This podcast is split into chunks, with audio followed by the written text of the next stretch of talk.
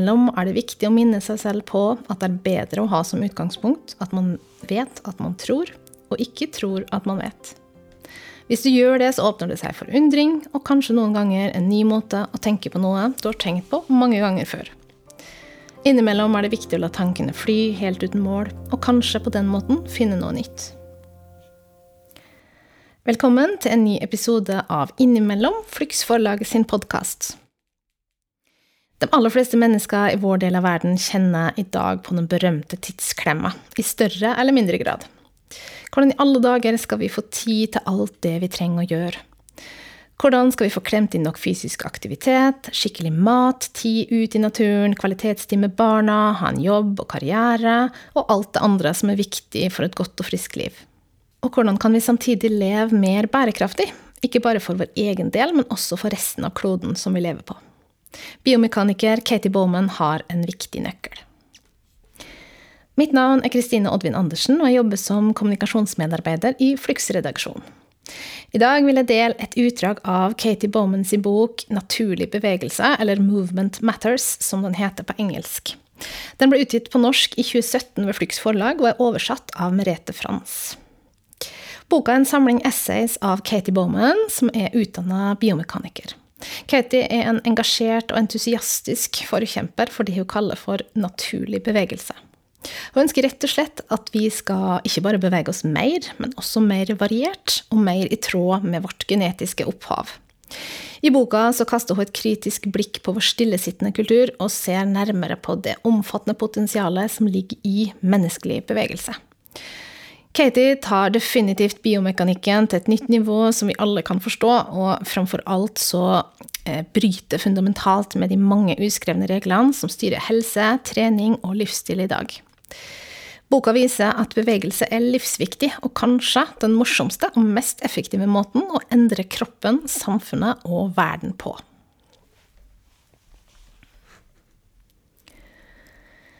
I tillegg til oppgavene jeg må utføre på jobben, har jeg hver dag følgende på må gjøre-ting-listen min.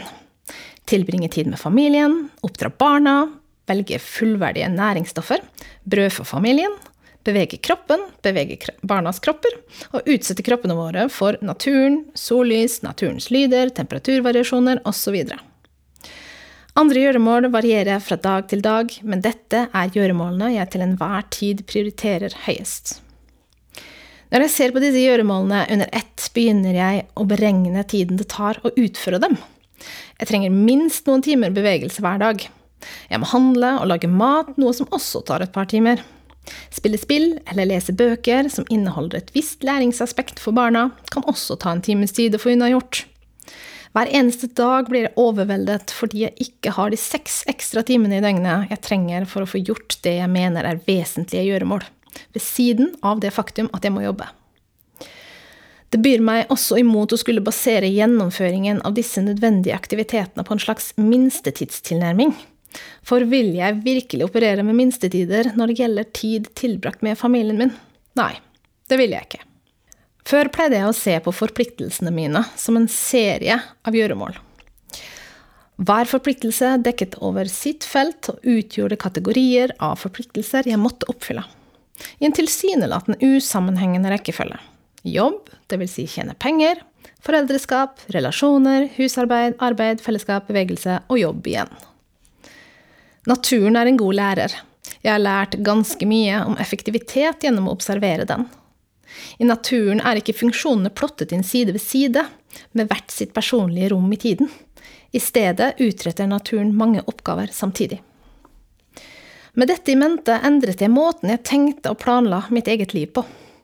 I stedet for å dele opp forpliktelsene mine og sette av tid til hver eneste komponent, dvs. Si 20 minutter på å skaffe mat, 45 minutter på trening, 1 time sammen med barna, fire timer på jobb, organiserte jeg forpliktelsene mine slik at det samme tidsrommet rommer flere forpliktelser. Jeg kaller denne måten å relatere tid til nødvendige gjøremål på for å stable livet. Det er ikke noe nytt å arrangere hverdagen slik at du kan utrette flere ting samtidig. Vi kaller det ofte for multitasking. Stabling av livet og multitasking ligner hverandre på mange måter, men de er vesentlig forskjellige på minst én måte. Det å stable livet krever ofte at du endrer måten du per i dag oppfyller et behov på. For å stable livet er det avgjørende at du finner en tilnærmingsmåte eller en aktivitet som oppfyller flere mål. Det er ikke det samme som å forsøke å få unnagjort flere ting på samme tid. Eksempel fant jeg ut at det å bedrive sanking sammen med familien var en måte jeg regelmessig kunne oppfylle alle mine forpliktelser på, overfor meg selv, familien, samfunnet, kloden, og det var en aktivitet jeg aldri hadde tenkt på som en løsning før jeg faktisk prøvde den. I tillegg til å oppfylle mine mer håndgripelige forpliktelser overfor andre, gjør sankingen meg i stand til å tilfredsstille mine egne behov for å handle i praksis på en måte som samsvarer med prinsippene jeg tror på. Det naturlige biproduktet av å sanke selv istedenfor å outsource dette arbeidet til andre, mennesker og selskaper, er at jeg får gjort mine må-gjøre-ting og ikke prøver å planlegge dem som separate hendelser. Mine sankeferdigheter er på et nivå med et lite barns, men som barne er jeg også en ivrig elev. Da jeg ble mamma for første gang, opprettet jeg sankescenarioer for familien vår. Jeg kunne si ting som vi må ut og finne mat, og så tok jeg med meg ungene og satte kurs for en jordlapp med noen planter og et tre som lå noen hundre meter unna. På veien krabbet vi opp og ned grøftene, klatret i trærne, la inn tissepauser. Vi må alltid tisse omtrent 90 sekunder etter at vi har dratt hjemmefra. På en av disse turene hilste en nabo på ungene som fortalte ham at vi var på matauk. Han donerte litt mat fra hagen sin til den gode saken, som vi da måtte bære med oss. Så kom vi frem til målet og begynte sankingen, noe som omfattet leting, bruk av pinner for å riste løs frukt, hoppe for å få tak i og riste grener til frukten falt ned, og bøye oss og sitte på huk for å samle sammen byttet vårt. Det var ikke en rask spasertur til treet og tilbake igjen, som dere med barn vet. Det var en ekskursjon som tok to timer. Ja, to timer tok det å gå en knapp kilometer. Og før du tenker jeg har ikke to timer til overs, så dette funker ikke for meg. Vil jeg bare minne deg på listen jeg nevnte tidligere.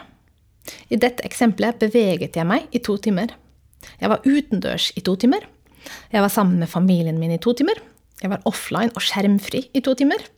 Jeg brødfødde familien min, eller enda viktigere, de brødfødde seg selv. Barna mine beveget seg utendørs i to timer. Barna mine lærte i to timer om ting jeg ønsker de skal vite om natur, om sunt kosthold, om hvor maten kommer fra, om hvordan de bruker kroppene sine, om personlig ansvar, om sløseri og overforbruk. Alt sammen ble dekket av én sankeøkt, og jeg trengte ikke si et ord. Det var læring i sin mest naturlige form.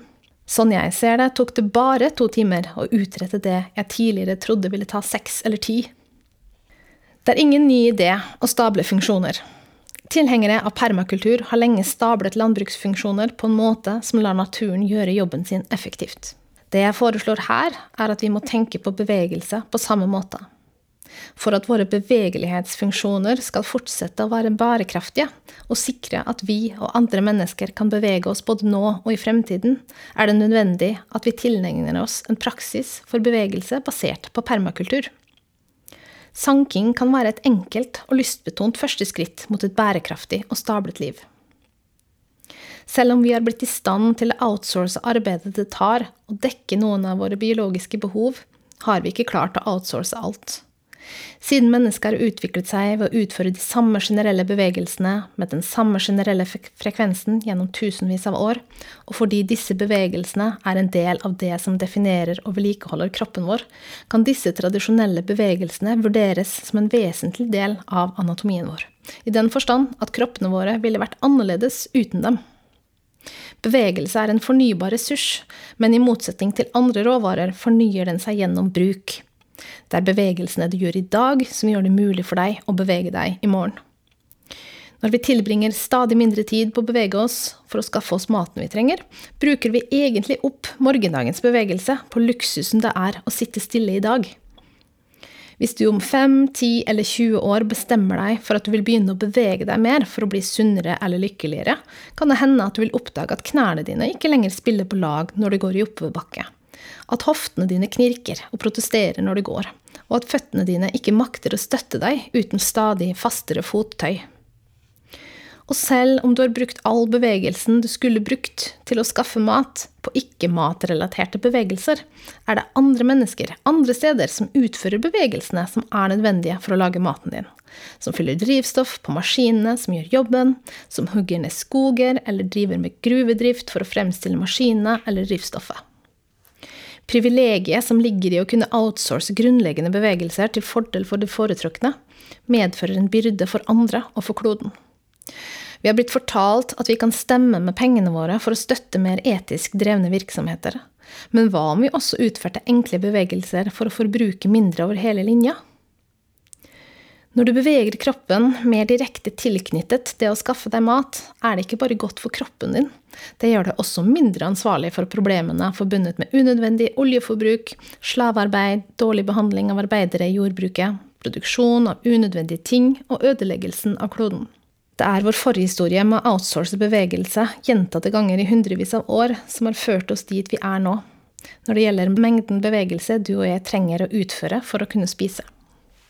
Mens vi tidligere brukte flere timer hver dag for å skaffe oss en dagsrasjon av kalorier, og vekslet mellom mange bevegelser i prosessen, vi gikk, løp, bøyde oss, satt på huk, bar, knuste, skrubbet, løftet, grov og moste, bruker vi i dag nesten ingen bevegelser i det hele tatt, bare masse penger på drivstoff på å kjøre til en butikk og gå hyllelangs for å kjøpe overpriset, emballert mat, som er funnet, plantet, plukket, gravd opp, bearbeidet og flydd inn eller kjørt hit av andre mennesker. Man kan argumentere for at bevegelse for å skaffe mat ikke lenger er nødvendig, men det avhenger vel av hvordan du definerer nødvendig. Du har et behov for å spise, og du har et behov for å bevege deg. Og du har et behov for å ikke belaste andre i stammen din med for mye arbeid hvis du vil at stammen skal klare seg. Når alt kommer til alt, er deres suksess også din suksess. Vi kan si at når det gjelder mat, har du et behov for å dra din del av lasset. Jeg sier ikke at du må gi avkall på kokosmelet og mandelmelken din. Men hva om du så på det å engasjere deg mekanisk i maten som en måte du både kan bevege deg mer på, og som en måte å redusere din avhengighet av elektrisitet eller matindustrien på? Om så bare i en liten skala. Du kan dyrke noe av din egen mat. Det er veldig vanskelig å sitte stille i en hage. Eller drive med litt sanking. Kjøper du nøtter med skall og bruker en time eller to sittende på bakken eller på huk mens du knekker nøttene med steiner, kan du gi de minste en bevegelsesrik leksjon i hvordan maten vokser. Skift ut et elektrisk apparat med et gammeldags tilsvarende apparat som ikke trenger strøm. Ikke fordi du er motstander av modernisering, men fordi du har satt opp bevege deg mer og forbruke mindre fossilt brensel som målsettinger. Jeg hørte en gang om en bestemor som vispet eggehviter til marengs med en gaffel. Vil du bli gruset av en bestemor fordi du blir sliten i armene, kanskje? Gå til nærmeste matbutikk. Trenger jeg å minne deg på å ta med dine egne handlenett? Eller lær deg å slakte ditt eget kjøtt, lage spekeskinke, tørke frukt, vin, bær eller brød. Plukk dine egne grønnsaker. Legg dine egne egg. Ja, det med eggene var en spøk. Eller du kan skippe alle disse tingene. Det kan også være virkningsfullt om du ganske enkelt lærer deg å se valgene du tar, og forstå hvor du befinner deg i den store sammenhengen. Når alt kommer til alt, har bevissthet sin egen næringsverdi. Siden vi alle fortsatt spiser, kan bevegelser relatert til matanskaffelse være et fint sted å starte når vi skal ta tilbake noen av bevegelsene vi har outsourcet til andre. Du kan forbedre bevegelsesverdien til maten din på et makro- eller mikronivå, avhengig av hva som er gjennomførbart for deg. Du kan rusle ned til ditt lokale marked istedenfor å ta bilen. Du kan kjøpe sesongens produkter og lokale råvarer som krever mindre fossilt brensel å transportere til markedet dette er mat som er produsert av mennesker som arbeider under kjente betingelser. Du kan holde egne dyr som kilde til proteiner, egg, små eller store dyr, belgfrukter, og anlegge en kjøkkenhage. Du kan velge mindre bearbeidet mat og heller bearbeide råvarene fysisk selv. Du kan basere måltidene dine på enkle matvarer som må tygges. Uansett hvilket nivå du legger deg på når du skal bruke bevegelser på å skaffe deg mat, vil den fysiske belastningen med å brødfø deg selv i langt større grad ligge på deg. Dermed vil maten din gi deg en mer fullverdig næring, og belaste kloden og andre mindre. Jeg tror det er det som kalles en vinn-vinn-situasjon.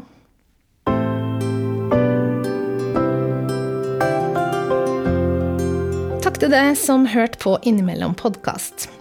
Flyks betyr bevegelse, og vi ønsker nettopp å bevege tanken. Du har nå innimellom alle dagens gjøremål lytta til noe som vi håper vil inspirere deg til å tenke litt annerledes. Lydtekniker til denne podkastepisoden har vært Denny Young og Gong Productions, og musikken du hører er laga av Olve Flakne, spesielt til oss i Flux. Du kan lese mer om Flux og vårt arbeid på flux.no. Der vil du finne mer informasjon om våre bøker, prosjekter og aktiviteter. Du kan også følge Flux forlag på Facebook og Instagram.